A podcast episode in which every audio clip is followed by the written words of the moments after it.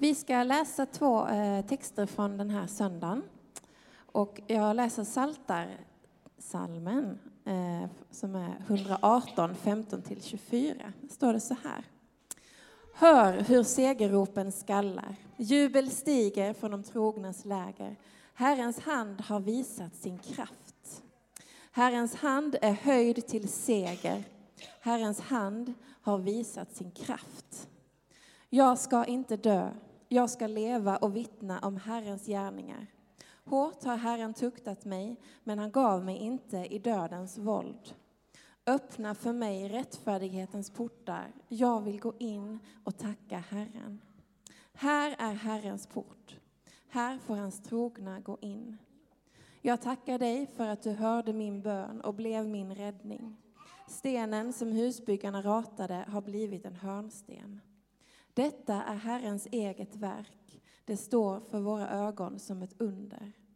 Detta är dagen då Herren grep in. Låt oss jubla och vara glada. Och så ska jag läsa från den gammaltestamentliga texten som är hämtad från Jona, kapitel 2, vers 1-11. Där står det så här. Herren lät en stor fisk sluka Jona. I tre dagar och tre nätter var Jona inne i fiskens buk. Därifrån bad han till Herren sin Gud. Jag ropade till Herren i min nöd, och han svarade mig. Ur dödsrikets inre steg mitt rop, och du hörde min röst. Du slungade mig i djupet, mitt i havet, där strömmarna fångade mig. Alla dina brottsjöar slog samman över mitt huvud. Jag tänkte, jag har fördrivits från dig. Får jag se ditt heliga tempel igen? Vattnet slöt sig om min strupe, djupet fångade mig. Sjögräs snärjdes kring mitt huvud, där nere vid bergens rötter. Jag sjönk till det land vars portar skulle reglas bakom mig för evigt. Men du gav mig liv, o Herre min Gud, och förde mig upp ur graven. Då mina krafter sinade vände jag mig till Herren. Min bön nådde dig, nådde ditt heliga tempel. De som dyrkar falska gudar överger sin trofaste hjälpare. Men jag ska offra åt dig under lovsång och infria mina löften. Räddningen kommer från Herren. På Herrens befallning spydde fisken upp Jona på land. Låt oss då stå upp tillsammans och så får vi lyssna på dagens heliga evangelium denna söndag. Så här skriver evangelisten Johannes. Tidigt på morgonen efter sabbaten, medan, då, medan det ännu var mörkt, kom Maria från Magdala ut till graven och fick se att stenen för ingången var borta. Hon sprang genast därifrån och kom och sade till Simon Petrus och den andra lärjungen, den som Jesus älskade. De har flyttat bort Herren ur graven och vi vet inte var de har lagt honom. Petrus och den andra lärjungen begav sig då ut till graven. De sprang båda två, men den andra lärjungen sprang fortare än Petrus och kom först fram till graven. Han lutade sig in och såg linnebindlarna ligga där, men gick inte in. Simon Petrus kom strax efter och han gick in i graven. Han såg bindlarna ligga där, liksom duken som hade täckt huvudet. Men den låg inte tillsammans med bindlarna utan hoprullad på ett ställe för sig. Då gick också den andra lärjungen in, han som hade kommit först till graven, och han såg och trodde. Ännu hade de nämligen inte förstått skriftens ord att han måste uppstå från de döda. Lärjungarna gick sedan hem igen, men Maria stod och grät utanför graven. Gråtande lutade hon sig in och fick då se två änglar i vita kläder sitta där Jesu kropp hade legat. En vid huvudet och en vid fötterna och de sade till henne, varför gråter du kvinna? Hon svarade, de har flyttat bort min herre och jag vet inte var de har lagt honom. När hon hade sagt det vände hon sig om och såg Jesus stå där. Men hon förstod inte att det var han. Jesus sade till henne, varför gråter du kvinna? Vem letar du efter? Hon trodde att det var trädgårdsvakten och svarade, om det är du som har burit bort honom, Herre, så säg mig var du har lagt honom så att jag kan hämta honom. Jesus sade till henne, Maria. Hon vände sig om och sade till honom, Rabuni. Det är hebreiska och betyder mästare. Jesus sade, rör inte vid mig, jag är ännu inte stigit upp till min fader. Gå till mina bröder och säg dem att jag, jag, jag stiger upp till min fader och er fader, min Gud och er Gud. Maria från Magdala gick då till lärjungarna och talade om för dem att hon hade sett Herren och att han hade sagt detta till henne. Så lyder det heliga evangeliet. Lovad vare du Kristus. För Kristus är uppstånden. Ja, han är sannoliken uppstånden. Kristus är uppstånden. Ja, han är sannoliken uppstånden. Kristus är uppstånden! Ja! Nu får ni sätta er ner. Jag tyckte jag tog i lite mer än er där på sista gången. Men ni kommer få en chans till. Underbart att få fira gudstjänst idag. Idag så ska vi få möta Maria från Magdala. Det var ju tolv lärjungar, de var män som följde Jesus. Men det var verkligen inte bara män som följde Jesus. Det fanns många kvinnor också som var hans efterföljare. Och det var faktiskt så att ingen av lärjungarna stod kvar vid korset. Johannes undantagen, han var med. Men alla de andra lärjungarna, alltså männen, de hade flytt och de hade övergett honom. Men det var kvinnorna som stod kvar vid korset. Både här vid korset och vid uppståndelsen så ser vi kvinnornas kyrka. Det var de som stod kvar. Och en av dem var Maria från Magdala. Och vi vet inte så mycket om denna kvinna. Men utifrån det lilla som vi vet i evangelierna om Maria så kan vi idag få, få läsa korshändelsen och uppståndelsehändelsen utifrån Marias ögon, utifrån hennes erfarenhet. Idag ska vi se på korsfästelsen och uppståndelsen utifrån Maria från Magdala. Hon kom från byn Magdala i Galileen och det vi kan läsa om henne det är att när hon mötte Jesus så befriade Jesus henne från sju demoner. Jesus hade befriat henne från ondskans grepp över hennes liv. Jesus hade gjort henne fri. Och det finns många olika spekulationer och tankar om den här Maria från Magdala. Att hon var prostituerad, någon som Jesus hade upprättat på det sättet. Men det vet vi inte. Troligtvis var hon inte prostituerad utan enbart en av de många människor som Jesus hade befriat. Helt och hållet. Hennes liv hade förvandlats totalt i mötet med Jesus Kristus. Alltså det fanns den Maria som hon var innan mötet med Jesus och så fanns det den Maria som hon var efter mötet med Jesus. Det står att hon var besatt av sju demoner. När man läser talet sju i Bibeln så ska man vara uppmärksam. Det betyder fullhet. Nummer sju, det är siffran för fullhet, alltså totalt. Så man kan ju säga att den här bilden att Maria hon var totalt ockuperad av onda krafter i sitt liv. Alltså det onda, en främmande andlighet hade intagit hennes kropp och fyllt henne med bitterhet, hat, förtvivlan, fruktansvärd självkänsla. Hon var inte sig själv. Hon hade förlorat kontrollen helt och hållet över sitt liv och också vem hon var.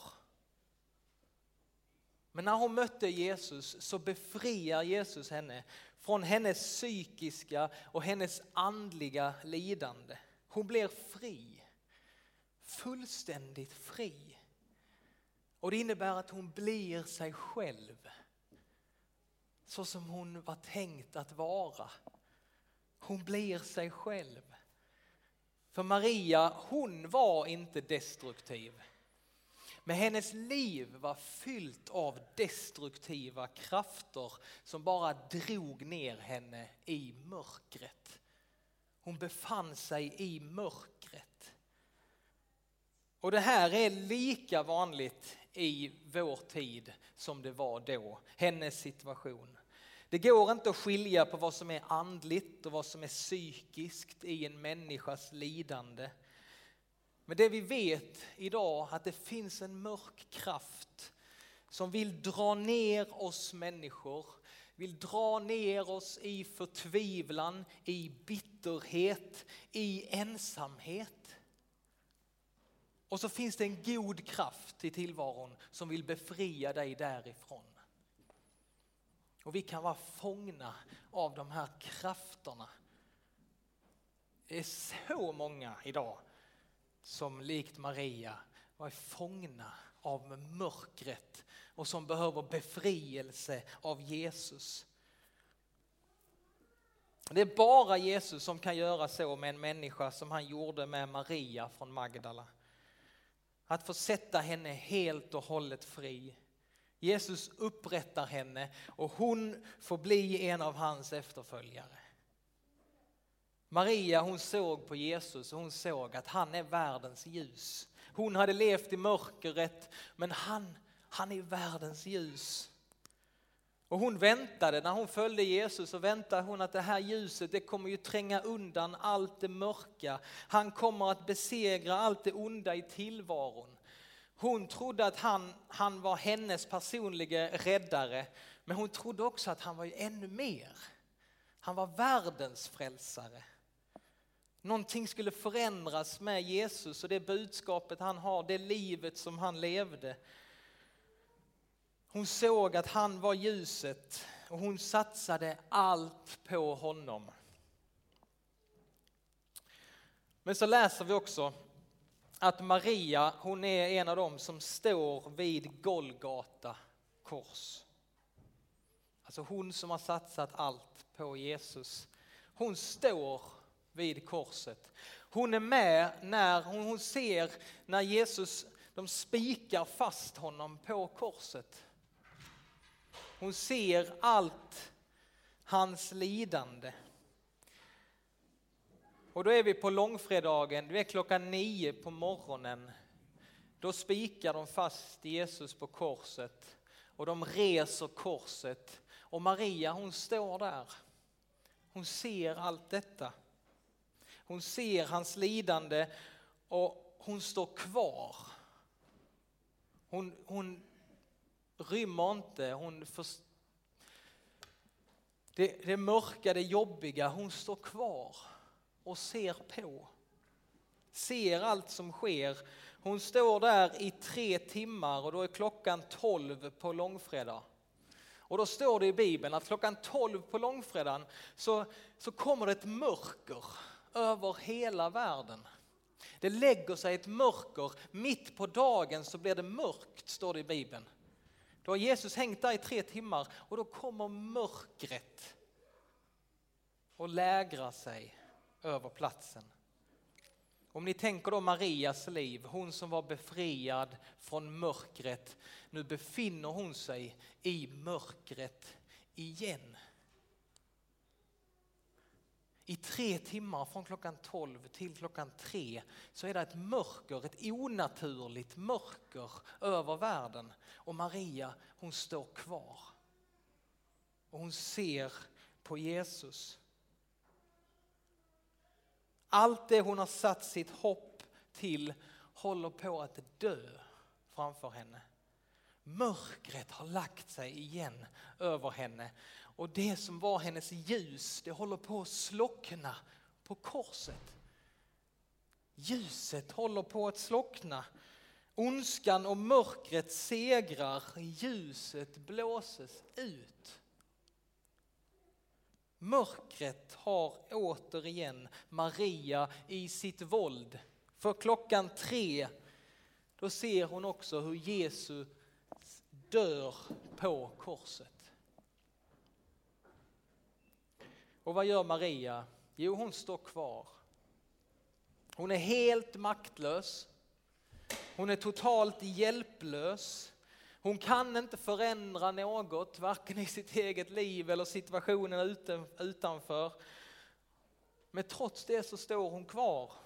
Hon lämnar inte Jesus. Trots att allt hopp är ute så viker hon inte från hans sida. Och jag tror det är därför Maria får uppleva det hon får uppleva på påskdagen. Hon gick till graven och smörjde och svepte hans döda kropp. Hon skulle gå tidigt på morgonen till graven för att vara där Jesus är, fastän han är död. Hon vek inte från hans sida och därför får hon också uppleva det här. Hon får vara den första människan som får se Jesus uppstånden och hon får vara den första människan som får höra han säga hennes namn. Maria.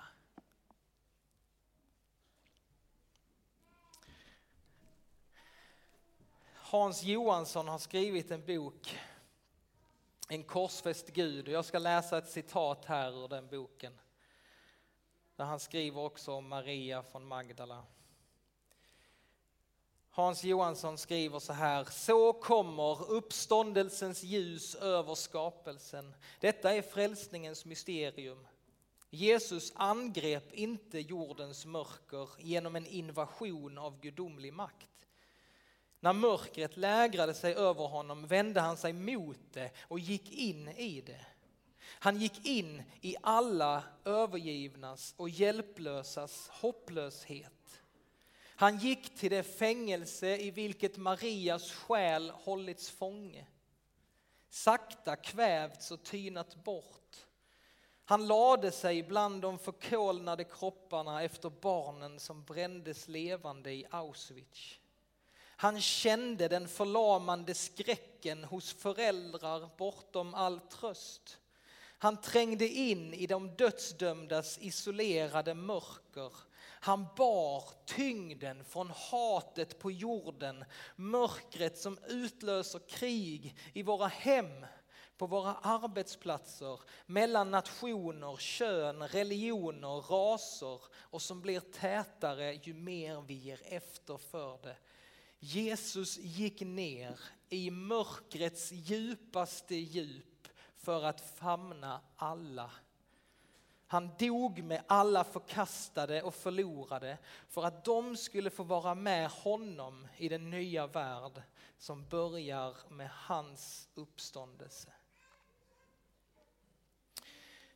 Erfarenheten av korset och uppståndelsen, det förändrar vår syn på det lidande som du och jag får uppleva i våra liv.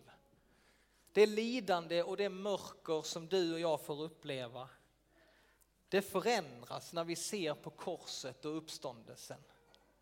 För det finns inget mörker, det finns ingen hopplöshet som inte är omfamnad av Jesus själv. Du kan veta att han har varit där. Du kan veta att han är där med dig.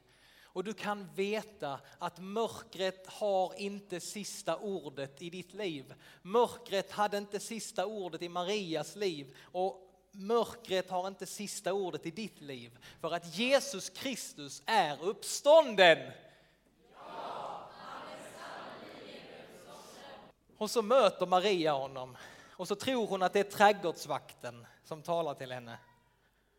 Hon säger om det är du som har burit iväg honom, säg var du har lagt honom så att jag kan hämta honom. Hon tror att det är trädgårds, trädgårdsvakten. Kan det vara så med oss också? Och med du som sitter här, att du ser på Jesus som att han är vakten, den som håller efter dig Vakten som tar bort glädjen och livet och gör livet trångt och instängt. Vakten som vill hålla koll på dig. Finns den bilden av Jesus hos dig?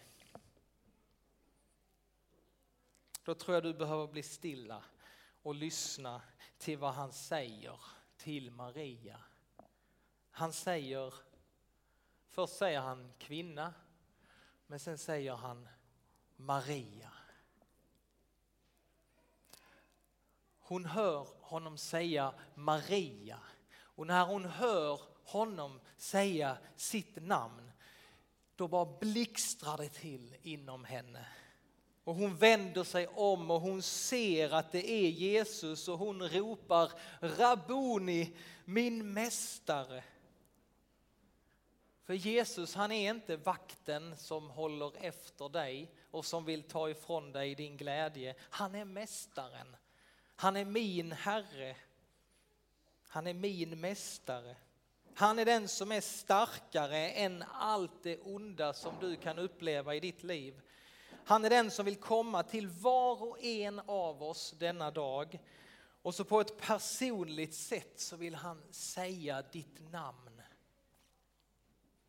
Du och jag, vi får byta ut vårt namn. Va? Istället för Maria så säger han ditt namn idag. Jag har kallat dig vid namn. Du min. Maria hon är den första som får, får höra det men efter det så fortsätter Jesus gå runt i världen och så kallar han på oss vid namn och han säger du är min. Jag har friköpt dig, priset är betalt. Du är min. Det är det som har skett idag med dig Ulf. Han har ropat ditt namn, han har kallat dig till sig och han har sagt du är min. Jag har skapat dig, jag har friköpt dig genom mitt eget blod. Nu finns det ingenting, varken död eller liv, varken änglar eller andemakter, varken något som finns eller något som kommer.